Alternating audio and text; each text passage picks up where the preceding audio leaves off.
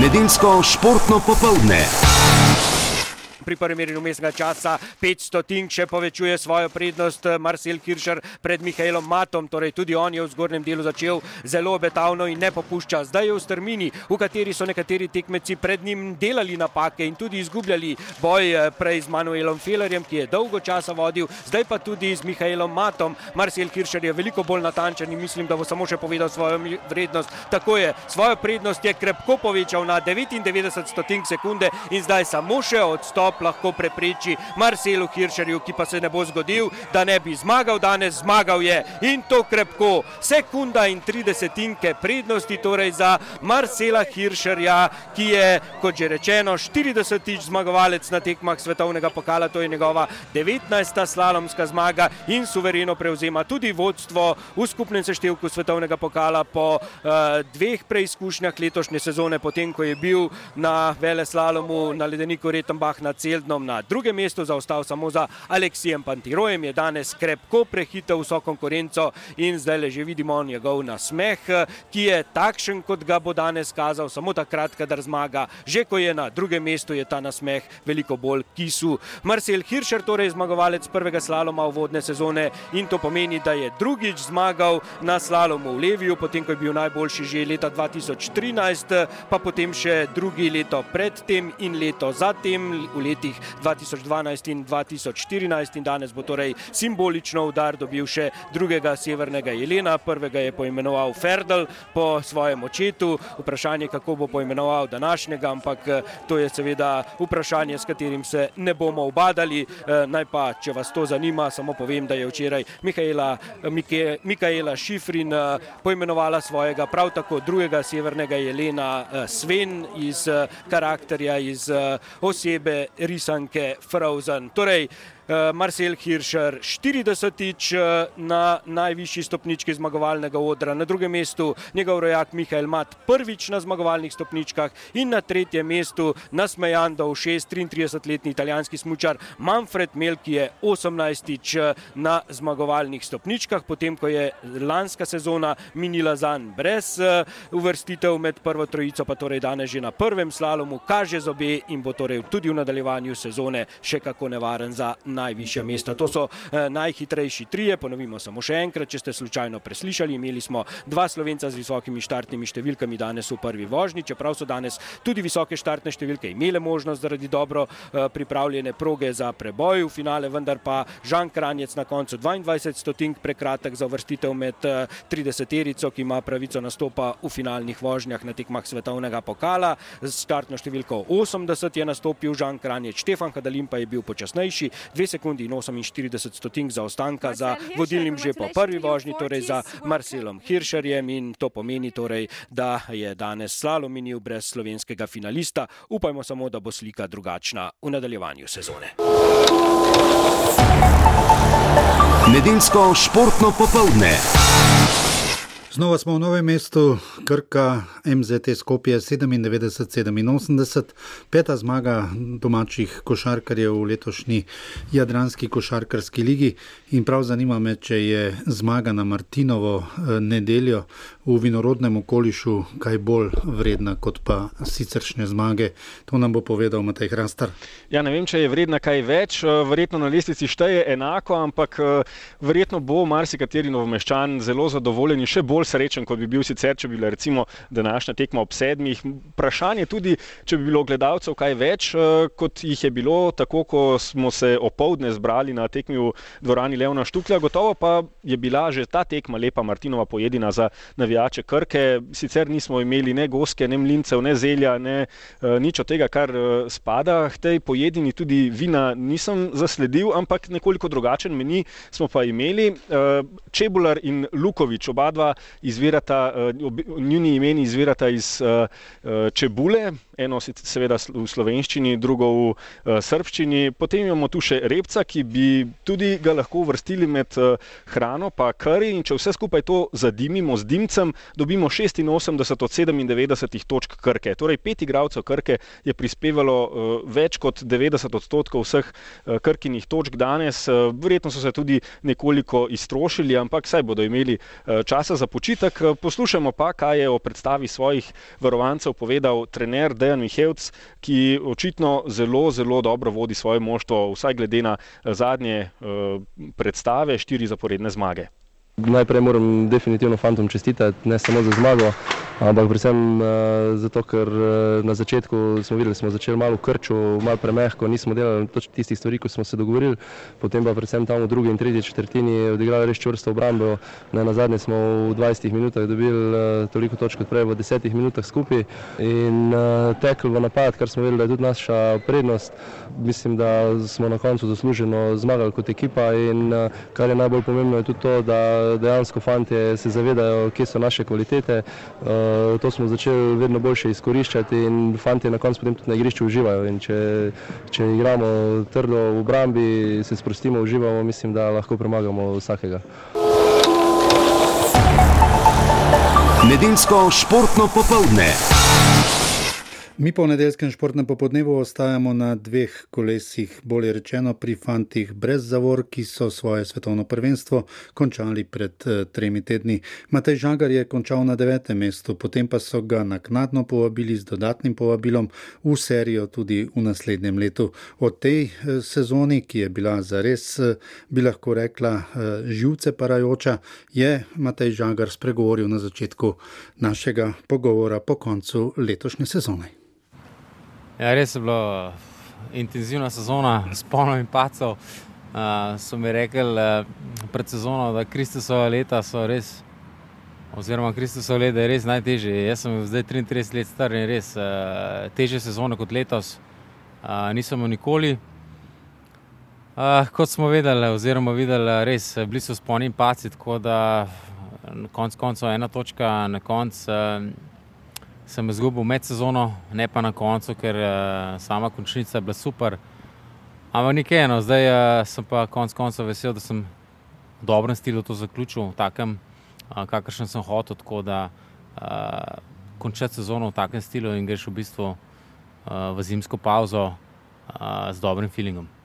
Očitno pa tisti, ki imajo licenco za svetovno prvenstvo, vedo, da je dobro, če ste zraven, da ste Eh, po vseh kriterijih eh, tekmovalec, ki sodi v svetovno serijo, eh, ki seveda vedno na vsaki dirki da vse od sebe, če ima seveda pod zadnico motor, ki je dostojen imena Matej Žagar. S tem povabilom ste vendarle tudi dobili potrdilo, da vas v svetu Spidveja tistega najvišjega tudi močno cenijo. Ja, res, to je bila, bom rekel, ali pa je bil najtežji kamen v bistvu na tehnici, Uh, samo dejstvo je, da dejansko uh, so mi tudi sami organizatori rekli, hočemo najboljše voznike na svetu in definitivno ti si eden izmed njih. Tako da uh, konec koncev ni, ni bilo tako važno, na katerem mestu bi končal sezono. Uh, hotel sem me v tem ciklu še naprej.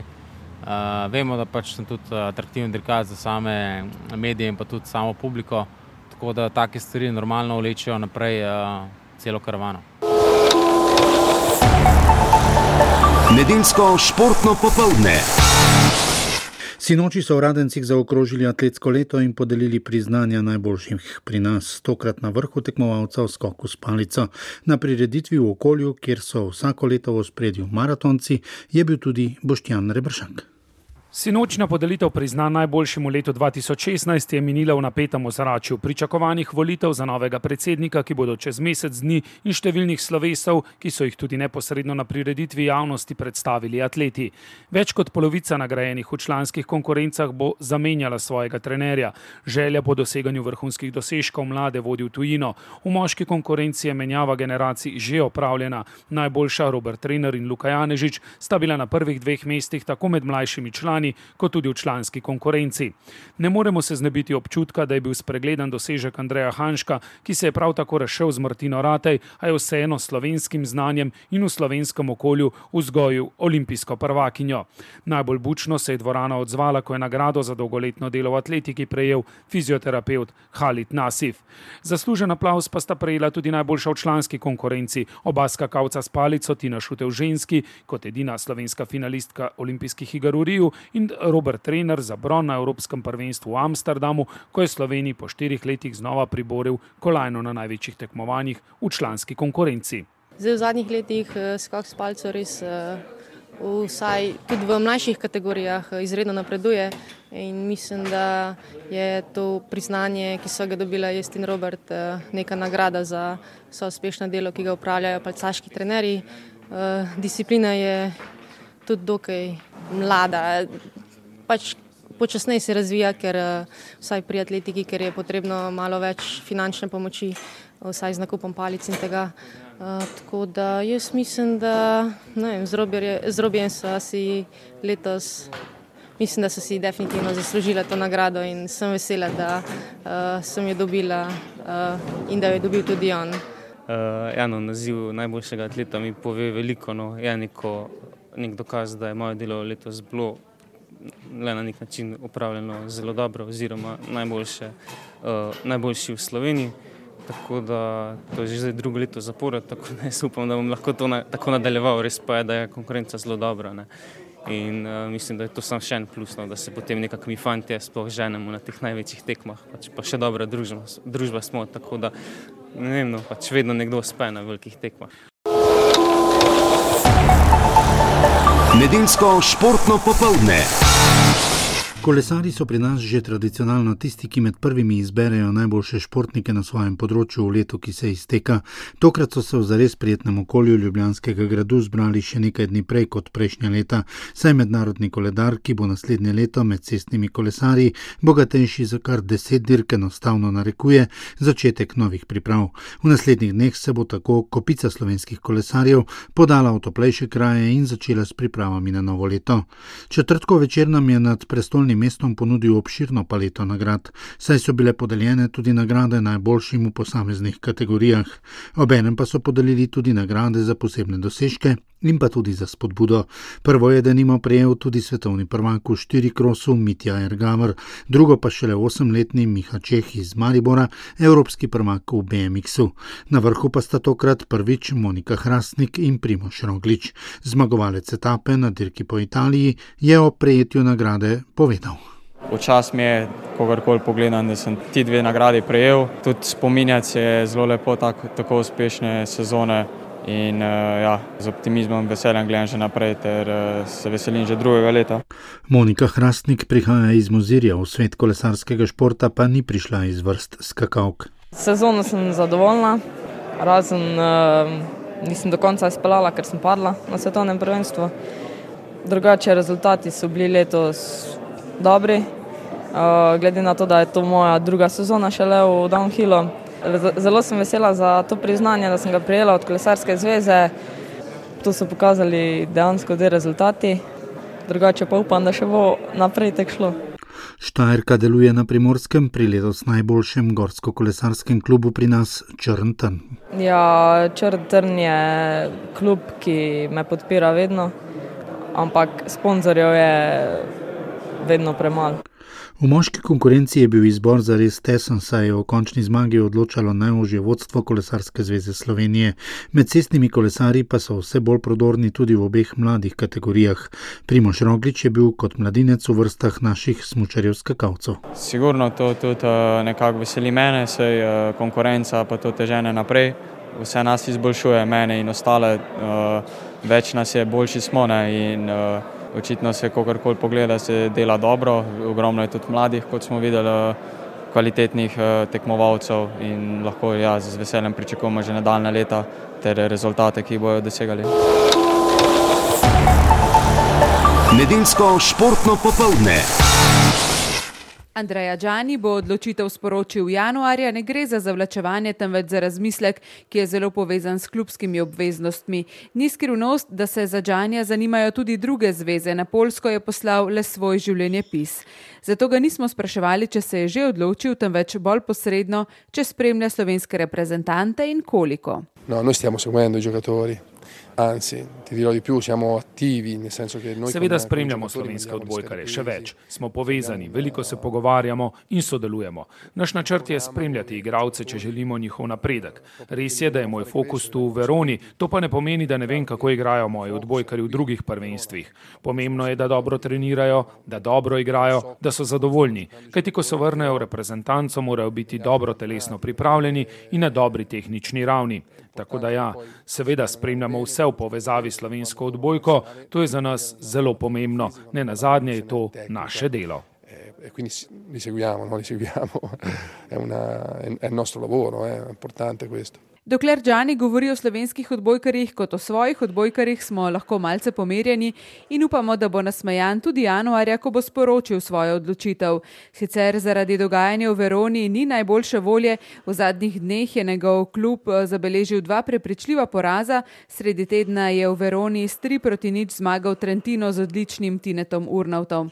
Kako slovenski kapetan razmišlja o selektorjevi odločitvi? Kot že velikokrat povedano, imamo vsi željo maksimalno, da ostane Andreja z nami. Uh, so, ker res z njim smo naredili kvalitetni preskok in nam je maksimalno pomagal in se je super vklopil v Slovenijo in uh, res samo pozitivne stvari, samo odlike za njega in njegovo delo in njegov štab. Upamo, da bo ostal, ampak to več ni v naših rokah, uh, ve, kakšno željo imamo. In zdaj bomo pa videli, kakšni bodo postopki naprej. Kdo bo selektor, bomo izvedeli konec januarja, februarja, ampak ne glede na to, kdo bo, imamo še vedno dokaj mlado ekipo z mlajšimi, ki prihajajo, mlajšimi selekcijami prihajajo za nami in uh, na nam je, da, da dvigujemo nivo slovenske odbojke, da, da nastopamo na največjih tekmovanjih in uh, res dvigujemo prepoznavnost Slovenije in slovenskih odbojkarjev v svetu. Nedeljsko športno popoldne.